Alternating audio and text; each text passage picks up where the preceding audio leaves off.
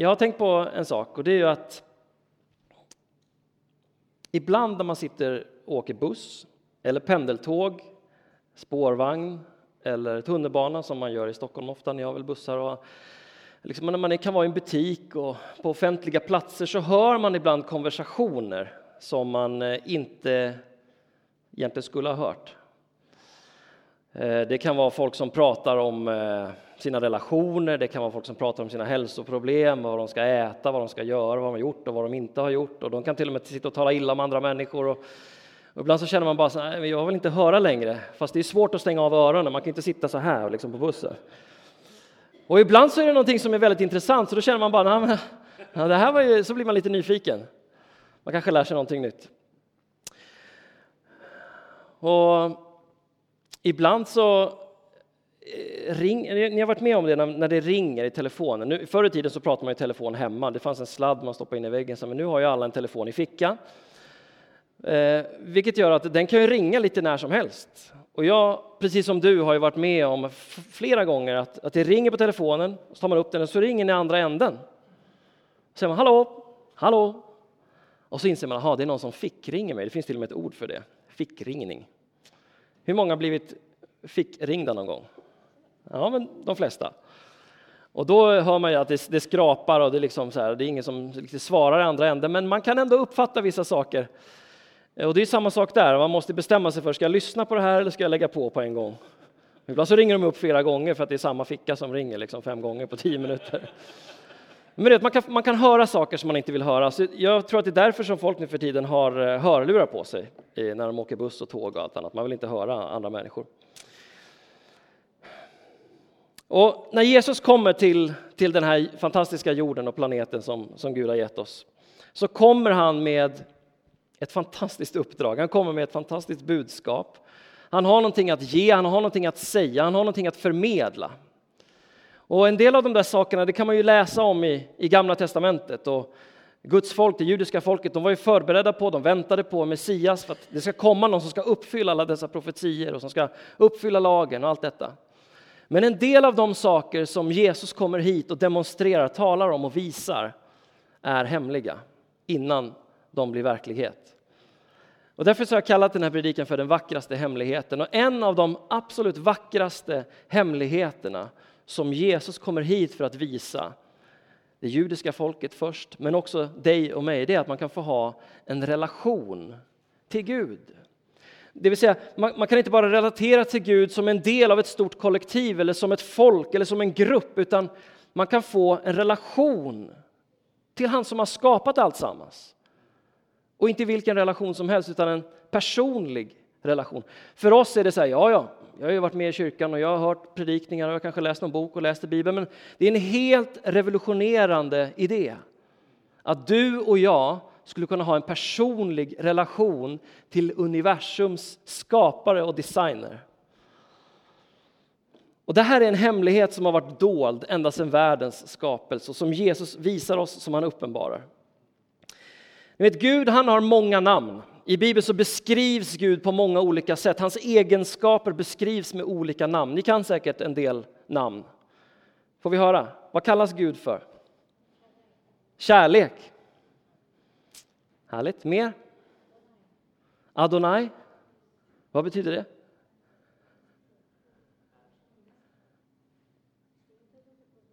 Ja, det är svårt. Men det är riktigt. Ett av Guds namn, Adonai. Det finns fler. Fridsförste. Herde, läkare, väldig Gud. Det finns massor med namn på Gud. Han som försörjer oss, Herren vår försörjare. Och så vidare och så vidare. Och ett av de namn som finns även i Gamla Testamentet på Gud är evig fader. Och det här är någonting som jag trots ett långt, långt, jag är 43 år, men ett långt liv tillsammans med Gud och som troende, som bibelläsare, så har Gud visat mig någonting nytt. Han har visat mig någonting mer om vad det här betyder. Och jag skulle vilja dela mitt hjärta med er ikväll. Därför att det är inte säkert att ni kommer få så mycket ny kunskap att du kommer tänka åh, det där, det har jag aldrig hört förut. Men jag tror att Gud vill visa oss någonting som du egentligen redan känner till, som du egentligen redan vet om, som han vill uppenbara för dig. Som mer handlar om en erfarenhet och en upplevelse en kunskap som du aldrig förut har hört. Och jag skulle vilja att vi tittar lite grann på Jesus, Guds son, han som har visat oss vem Gud är, ett av de stora syftena med vilket han kom hit. Och så ska vi titta på när vi ska överhöra konversationen mellan Gud, Fadern och Jesus, Sonen. Därför att jag tror att om vi kan förstå någonting av hur den relationen ser ut, vad de pratar om, så säger det någonting om hur vår relation till Gud kan se ut. Därför att vi är också Guds barn. Och vi ska börja med Jesus dop. Vet ni hur många tillfällen det finns i hela Bibeln där Fadern talar med Sonen och vi hör det? Det finns två tillfällen. Och vi ska se vad de säger. Och vi börjar då när Jesus låter döpa sig. Ni vet, han kommer till Jordan, han kommer till Johannes döparen. De har en liten konversation här om det är verkligen är rätt ordning och rätt sätt och så vidare, men de bestämmer sig för att ja, Jesus säger det så här vi ska göra. Så Johannes döper honom. Och när han kommer upp ur vattnet så ser de den helige Ande sänka sig över Jesus i skepnad av en duva. Och så hörs det en röst. Kan du tänka dig, det hörs en röst från himlen. Rösten talar inte med folket. Folket kan höra det, de som är där. Men rösten talar till sonen. Fadern talar från sitt hjärta till sonen. Och vad säger han? Det här är ju jätteintressant. Tänk att få överhöra en diskussion på pendeltåget mellan en mamma och en dotter. Eller, men att få höra en, ett samtal mellan fadern och sonen. Vad är det han säger? Vad är det som är så viktigt så att alla som är där får höra det? Rösten säger så här, det här är the message översättningen. Du är min son. Utvald, präglad av min kärlek, mitt livs ögonsten. Det här är det första som händer i Jesus offentliga tjänst. Han har ännu inte stått inför de stora massorna och skarorna och undervisat, fascinerat både fiender och vänner. Han har ännu inte gjort några under, utan det här är början på hans offentliga tjänst. In, till och med innan han går ut i öknen. Och vad är det Fadern då? Ger honom en, en instruktion, en, en, en, slags befallning. Nu ska vi göra det här, det här ska vi åstadkomma. Vad är det han säger? Han talar om för Jesus vem han är. Och framförallt, han talar om för Jesus vad han känner, vad han tänker, vad som är sant om honom och om deras relation. Du är min son. Utvald, präglad av min kärlek. Mitt livs ögonsten. Jag skulle vilja att du för ett ögonblick inte tänker så mycket på vad det betyder eller vad Jesus jag tror inte han sätter in det här, ja, det här är teologi och det här är, det här är system, utan vad känner Jesus? Vi fokuserar ofta på vad han säger och vad han gör, men vad tror ni Jesus känner i just det här ögonblicket? Känslo, han var människa, så han hade ett känsloliv. Vad tror ni Jesus känner när han står där blöt av vattnet i Jordan? Ser duvan komma ner och hör rösten. Vad tror ni han känner? Offentligt och högt så säger den här rösten utan att tveka så att alla kan höra. Det här är min son. Jag älskar honom. Han är min utvalde. Han är min, han, I honom har jag min glädje. Jag tror att jag bara skulle försöka stå där och ta in det. Kanske skulle jag gråta, kanske skulle jag skaka, kanske skulle jag... Jag vet inte.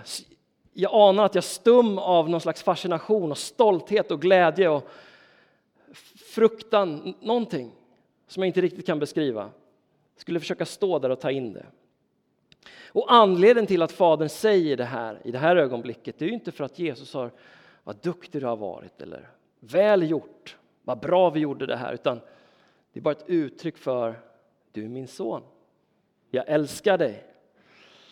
Enbart handlar det om vad Fadern känner för Jesus, för sin son. Att det är någonting varmt, det är någonting passionerat, det är ett personligt hjärta. Det säger någonting om deras relation.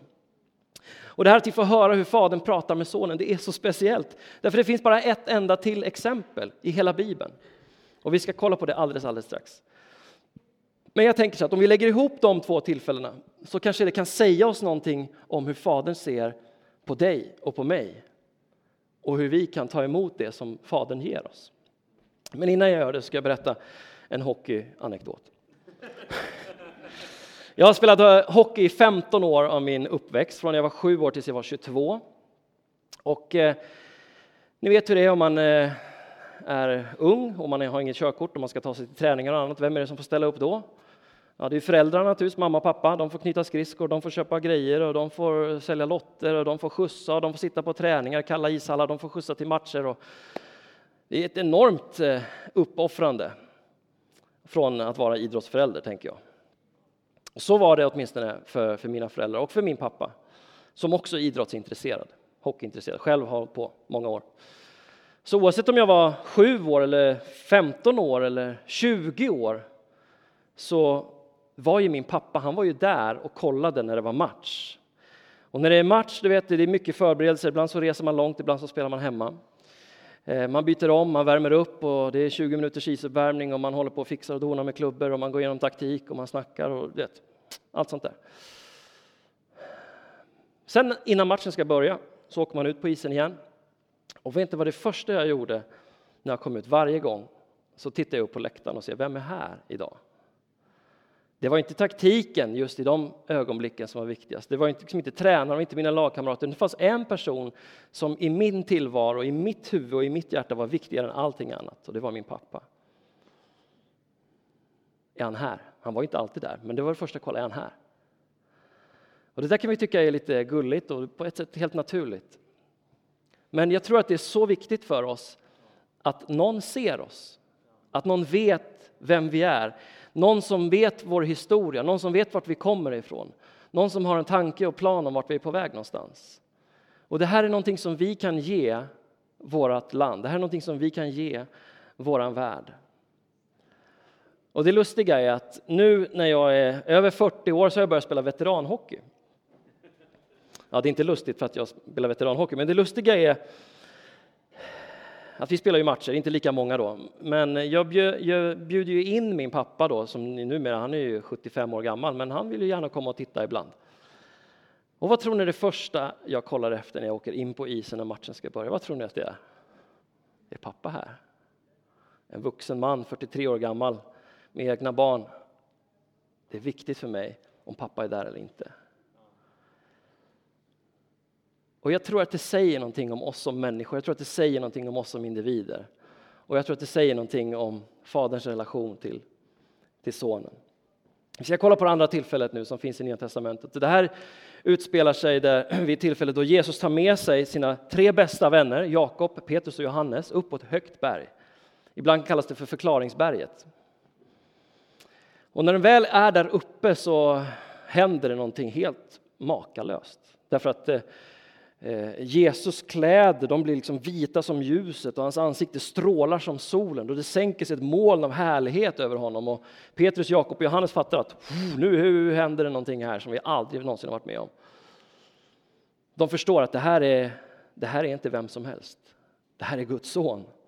Och till råga på allt så är han inte själv där Jesus, utan tillsammans med Jesus står Mose och Elia som representerar lagen och profeterna. Och budskapet från himlen är någonstans glasklart för Petrus, Jakob och Johannes. Så mycket koll hade de att det här är Messias, det här är Guds son. Och Petrus, en del av er har läst om honom och vet att han är liksom snabb att tänka, snabb att agera. Så han eh, kommer med dagens understatement. Han säger, han säger så här, det är bra att vi är här. Och så kommer han med ett väldigt generöst erbjudande som skulle kunna platsa i något tv-shopprogram. eller något liknande. Han säger så här, Jesus, jag skulle kunna bygga tre hyddor åt er, en till dig, en till Mose, en till Elia. Så han har liksom en lösning hela tiden på de uppkomna situationerna och han har ett förslag på hur man ska gå vidare jämt. Men i den här situationen så är det inte Petrus som sätter agendan utan här, det står att medan Petrus ännu talade så hörs en röst från himlen. Och nu ska vi läsa det här. Eh, det finns i Matteus kapitel 17, fem första verserna. Matteus 17. Så här, sex dagar därefter tog Jesus med sig Petrus, Jakob och hans bror Johannes och förde dem upp på ett högt berg där de var ensamma. Då förvandlades han inför dem. Hans ansikte lyste som solen och hans kläder blev vita som ljuset. Och Mose och Elia visade sig för dem och samtalade med honom. Petrus sa till Jesus, Herre, det är gott för oss att vara här. Om du vill så ska jag göra tre hyddor här, en åt dig, en åt Mose och en åt Elia. Och så kommer det här. Medan han ännu talade kom ett lysande moln och sänkte sig över dem och en röst ur molnet sa da, da, da. Vad säger Fadern nu? Han säger så här. Han är min älskade son. I honom har jag min glädje. Lyssna till honom. Det vill säga han säger exakt samma sak en gång till. Som vi bara hör den här konversationen två gånger i hela Bibeln, i hela Nya Testamentet, i hela Jesu liv. Och Fadern säger i princip exakt samma sak vid båda tillfällena. Så vill jag förstå varför. Och så tror jag att det berättar någonting för oss. Och så tror jag att Fadern berättar någonting för oss genom att höra vad Fadern berättar för Sonen.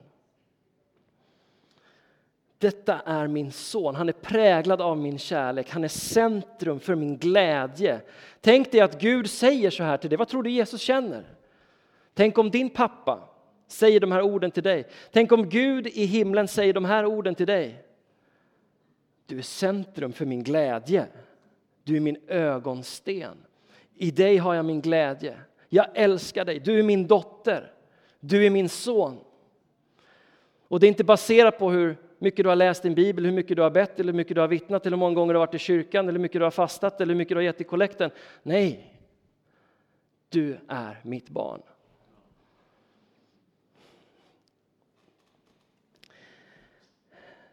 Så det är fyra saker som Fadern säger. Det här är, han är min son, jag älskar honom, han är min glädje. Lyssna till honom.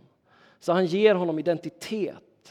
Han ger honom en plattform, han ger honom en, en grund att stå på inför sin offentliga tjänst. Jesus han behöver liksom inte ta sig någonting, utan det är Fadern som definierar honom och ger honom det som är hans och talar om vad som är sant. Och jag tror att det här är så viktigt för oss att förstå, därför att vi söker vår identitet i saker vi gör. Kanske i vårt arbete, kanske i vårt utseende, kanske i vårt nätverk av relationer, kanske i vår historia, kanske i vår framtid eller våra drömmar.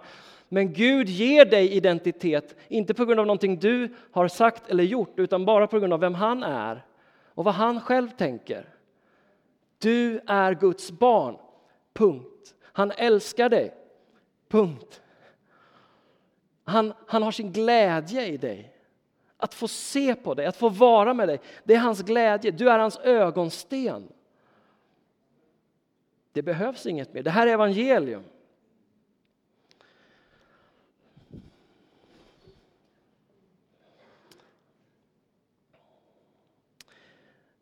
Jag tror att vi, eller jag vet, för jag, jag känner mig själv. Vi oroar oss för en hel del saker i vår tid, i vårt liv, i det här samhället, så finns det mycket man kan oroa sig för. Hur ska det gå för familjen? Hur ska det gå för barnen? Hur ska det gå för syskonen? Hur, hur ska det gå med hälsan? Hur ska det gå med ekonomin? Hur ska det gå med studierna? Hur ska det gå med jobbet? Hur ska det gå med huset? Hur ska det gå med relationerna? Hur ska det gå? Hur ska det gå? Ni oroar och bekymrar er så mycket, säger Jesus. Han har rätt i det, därför att vi gör det.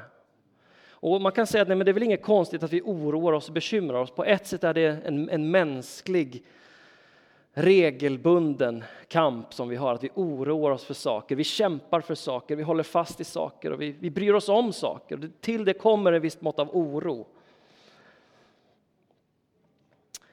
Och just därför så tror jag att vi behöver förstå hur Gud ser på oss och vilken typ av omsorg han har om oss. Jesus säger så här i Matteus 6, jag läser fortfarande the message. Han säger så här, det är er egen far ni har att göra med. Han vet vad ni behöver. Han vet det till och med bättre än ni själva. Eftersom ni har en sån Gud som älskar er kan ni be mycket enkelt. Så här. Vår far i himlen, visa vem du är. Och så lär han dem bönen Fader vår som är i himlen. Helgat vare ditt namn. Ibland så tror vi att det är våra långa böner, våra krångliga formuleringar eller vår ihärdighet och uthållighet som gör hela skillnaden. Men ibland så tror jag att det är bara vår enkla förtröstan och tillit till att Gud är vår far. Han vet vad vi behöver och han känner oss själva bättre än vad vi gör. Jesus fortsätter i Matteus 10 och säger så här, ännu mycket mer tänker han på er. När det gäller er är ingenting obetydligt för honom. Han håller till och med reda på hur många hårstrån ni har på huvudet. Därför ska ni inte låta er skrämmas. Och jag har ett både utmanande men framförallt uppmuntrande ord till dig som tänker på hur du ska klara av månadens ekonomi. Hur pengarna ska räcka till och hur mycket du behöver jobba för att känna dig trygg. Hur du ska gå med alla de där sakerna som du oroar dig för och som jag ibland oroar mig för. Ordet från, från himlen idag är att Gud är din pappa. Och han vet vad du behöver. Och det sitter inte ihop med vad du presterar eller levererar, vad du klarar av eller orkar med, utan det sitter ihop med hans kärlek till dig, hans omsorg om dig, hans omtanke om dig. I början, idag är det ju snöslask ute, men i början på veckan så gick jag ut på min tomt och så ser jag att där finns snödroppar och så finns det krokusar. Är det någon som har sett dem i år? Det var innan snön, eller hur? De kommer tillbaka, eller de kanske de finns kvar där under. Men ibland så kan man ju se hela, om vi väntar några veckor, så kan vi ju se hela fält eller hela åkrar eller ängar med fullt med blommor. Oändligt antal blommor, hundratusentals, miljontals blommor. Och man kan tänka dels wow, hur vackert det är, hur fascinerande det är, hur, skapat, hur Gud har skapat och hur väl designat det är. Och samtidigt kan man tänka, vilket slöseri!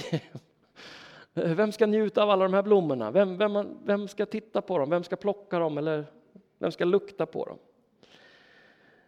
Jesus säger så här, Lukas 12. Om Gud lägger ner ett sånt jobb på blommorna ute i naturen utan att någon ens ser de flesta av dem. Tror ni då inte att han kommer att ta ännu bättre hand om er? Fröjdas åt er, göra allt för er. Slappna av.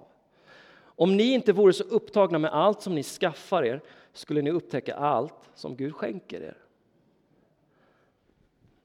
Jag är en person som, jag är en praktiker, jag är, jag är mer en praktiker än en, än en teoretiker.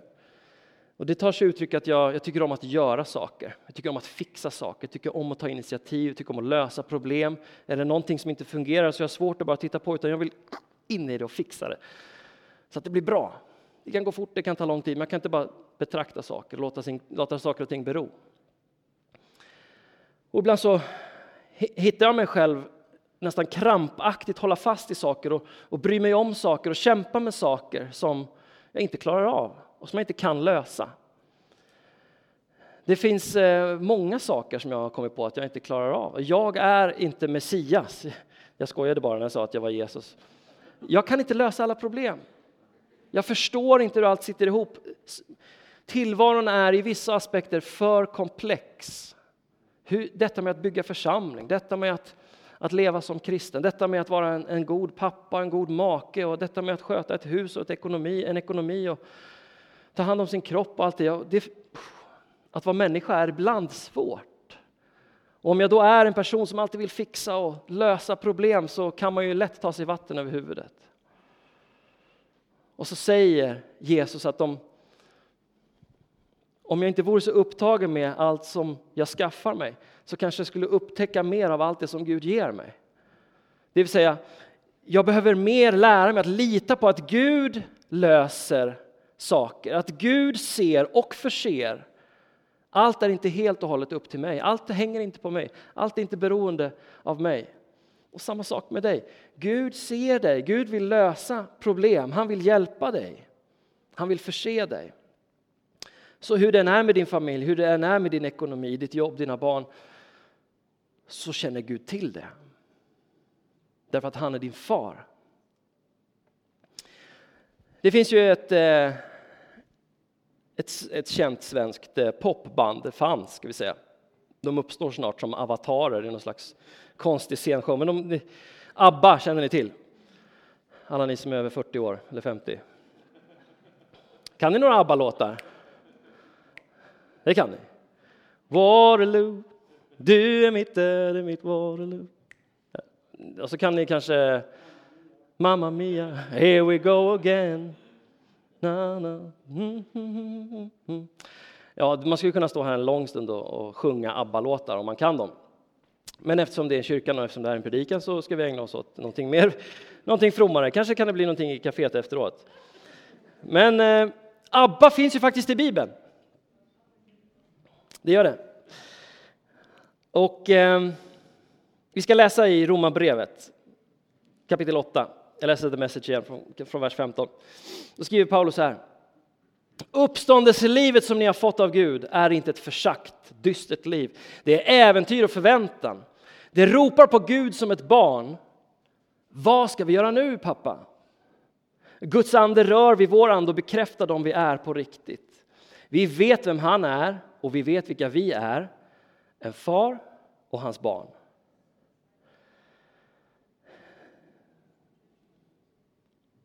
Förhållandet till Gud som Jesus kommer hit för att visa oss, som är en, en vacker hemlighet, är att vi kan inte bara relatera Gud, till Gud som en, en skapare, en frälsare, en läkare. Inte bara till Gud som en, som en härskare, inte bara till Gud som, som en far, utan till, till Gud som en pappa. Det finns en skillnad för mig att tilltala Gud som Fader vår och pappa.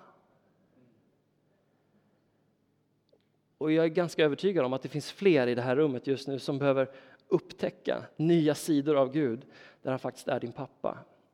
Det Paulus beskriver här är att han har gett dig och mig söners rätt så att vi kan ropa Abba, Fader. Ordet Abba är ett arameiskt ord som, som är ett förtroligt, innerligt och intimt tilltal från ett barn till sin pappa. Ett kärleksfullt personligt tilltal. Så han säger att vi behöver inte, vi är inte längre slavar utan vi är söner. Och han, han använder bilden av ett hushåll på den tiden i den delen av världen där man hade, man hade sin familj, om ni, om ni tänker att jag hade ett, en stor gård, ett hus, en familj med söner och döttrar, så hade jag kanske en del slavar, anställda människor som skulle sköta sysslor i mitt hus och in, på min gård. Så fanns det en tydlig uppdelning där att mina barn, de fick naturligtvis tilltala mig när som helst och be mig om vad som helst därför att de är mina barn. Men mina slavar fick absolut inte kalla mig för pappa, utan jag var deras herre. Och det är den här bilden som Paulus använder när han säger, ni är inte längre slavar i relation till Gud, utan ni, är sön, ni har fått söners rätt. Så att ni kan ropa Abba, pappa. Det här är helt fantastiskt.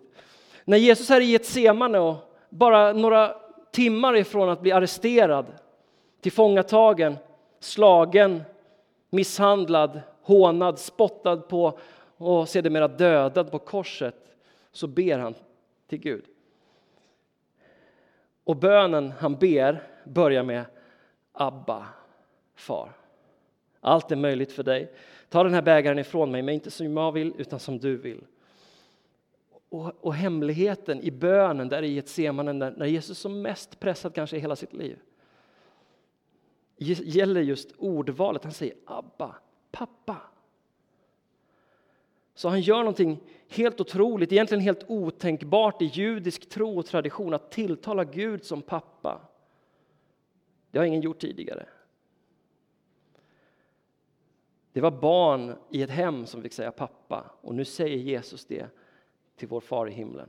Och här ser man återigen det här förhållandet mellan fadern och sonen som visar dig och mig någonting om vår relation till Gud.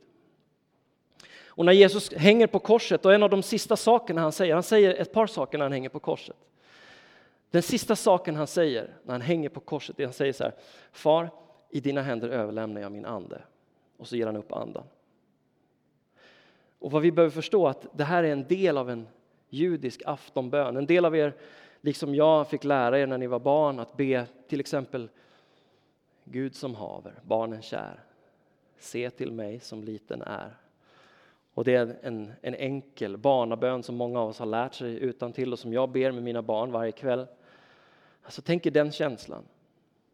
För det är en sån bön som Jesus ber när han hänger på korset och säger Far, i dina händer överlämnar jag min ande. En bön som han har bett tusentals gånger. Så ber han den och så ger han upp andan. Så det finns en förtröstan i detta. Låt mig ta ett bibelställe till. När Paulus i Galaterbrevet 4, vers 6 säger så här. Ni vet att han har tagit er till sig som sina egna barn eftersom Gud har gett oss sin sons ande som i våra hjärtan ropar.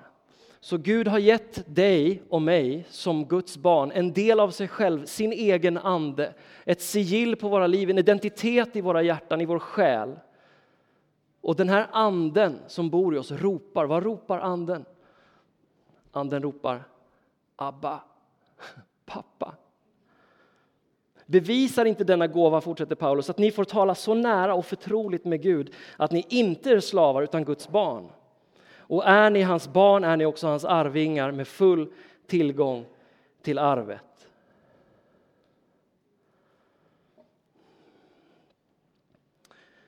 Det här är det som jag tror att Gud vill säga till oss idag. Du är inte bara en kristen. Du är inte bara en troende, du är inte bara en del av en stor skara människor, utan du är Guds dotter. Du är Guds son. Du är utvald, du är älskad och Gud har sin glädje i dig. Oberoende vad du har gjort, vad du kan, vad du levererar och presterar. Och vi tänker ibland på evangelium som någonting som är till för människor utan Gud. Vi tänker ibland på evangelium för människor som, eh, att det är till för människor som är nyfrälsta, nykristna. De ska förstå evangeliet. Men jag som har varit kristen i decennier och du som har varit kristen länge behöver också förstå evangeliet på nytt. Och evangeliet handlar om att du är älskad för den du är. Inte för det du kan göra, utan för att det finns en Gud som har gjort någonting för dig. Så den relation som Jesus kommer hit för att avslöja hemligheten bakom, nämligen att du kan få ha en personlig relation till en pappa i himlen. Det är tillgängligt för dig. Det är tillgängligt för mig oavsett hur länge vi har känt Gud, oavsett hur länge vi har läst Bibeln och bett till honom. Så finns det en dimension av vår relation till Gud som handlar om att han är vår pappa. Jag ska alldeles strax avsluta. Paulus citerar Fadern i Andra Korinthierbrevet 6 när han säger så här. Jag vill ha er för mig själv. Så Gud tittar på dig och så säger han, jag vill ha dig för mig själv. Jag ska vara som en far för dig och ska, ni ska vara som söner och döttrar för mig. Gud längtar efter att få vara din pappa. Och vi vet, jag vet att alla har inte en jordisk pappa eller en jordisk mamma. Och en del av oss har en jordisk mamma eller pappa som inte har varit som en pappa eller mamma kan vara, bör vara. Så vår, vår bild av faderskapet eller mödraskapet kan vara kraftigt skadad. Eller så har vi haft en fantastisk mamma och en fantastisk pappa, oavsett vilket. Så kan våra jordiska fäder och mödrar aldrig motsvara den fullkomlighet och den fullhet av faderskapet och pappaskapet som Gud representerar. Därför att han är så mycket mer. Så en god far kan ibland begränsa vår bild av Gud därför att vi tror att aha, han är så bra, men Gud är så mycket mer. En trasig bild av Fadern kan också vara ett hinder naturligtvis. För vi tror att aha, Fadern är som den där trasiga pappan som jag har sett. Då vill jag inte ha honom. Men Gud är en fullkomlig Gud, en kärleksfull Gud, en god Gud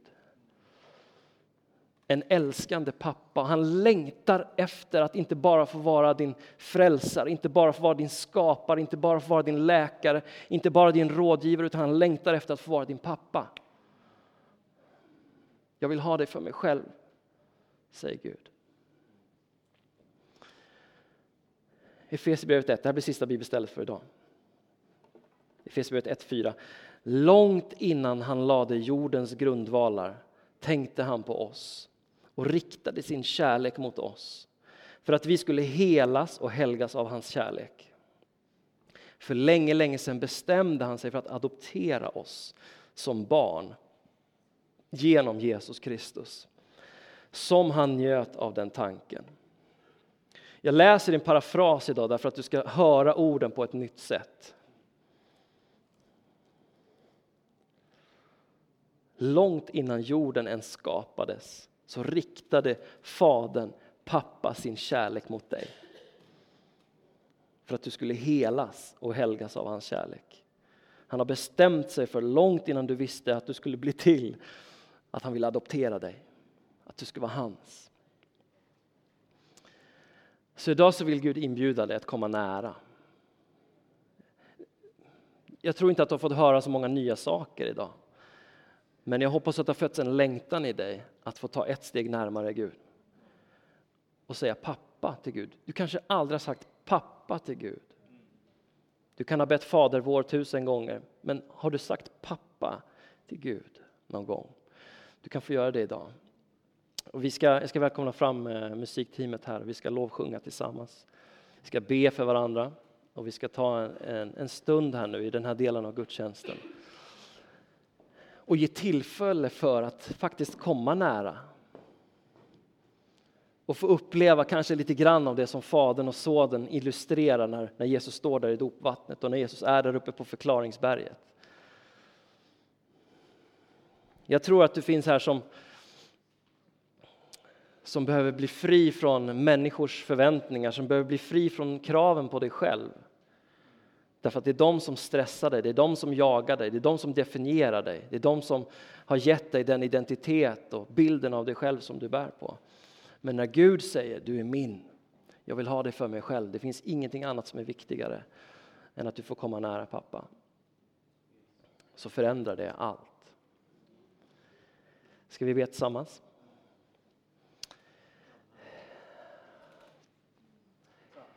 Gud i himlen, jag tackar dig av hela mitt hjärta för att du är välvillig, du är god, du är kärleksfull. Tack för att du inte är en ond Gud, inte en, en tvehågsen Gud, utan du är en Gud som vill oss väl.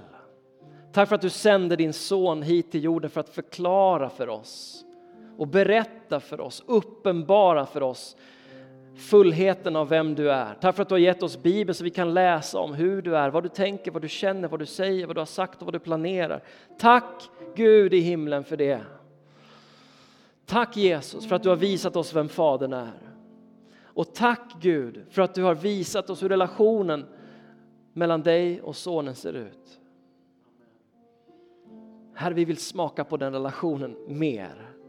Därför när du dog för oss Jesus så gav du oss tillträde till allt detta. Vi har fått söners rätt. Och vi vill vara söner och döttrar till dig. Vi är så stolta och tacksamma över att få kalla oss för Guds barn. Ingen av oss förtjänar det, men vi är tacksamma. Och vi längtar efter att få gensvara på din kärlek som säger kom. Där du som pappan i berättelsen om den förlorade sonen står med öppna armar och välkomnar och längtar och spejar och söker och tittar och väntar och längtar och söker och väntar och längtar. Herre, idag så vill vi springa in i den famnen oavsett om vi är sonen som sprang iväg eller om vi är sonen som har varit hemma hela tiden. Där famnen har varit tillgänglig hela tiden. Förlåt oss Herre att vi ibland fokuserar bara på de som springer långt bort och glömmer bort oss själva. Herre, jag vill också komma nära. Jag vill också springa in i den här famnen som är tillgänglig för mig dygnet runt, år ut och år in. Jag vill också komma nära. Jag vill också känna dina hjärtslag. Jag vill också att du omfamnar mig. Så pappa, jag ber för var och en som är här den här eftermiddagen som längtar efter närhet. Att du ska krama om, att du ska fylla med kärlekens ande. Mm. Amen.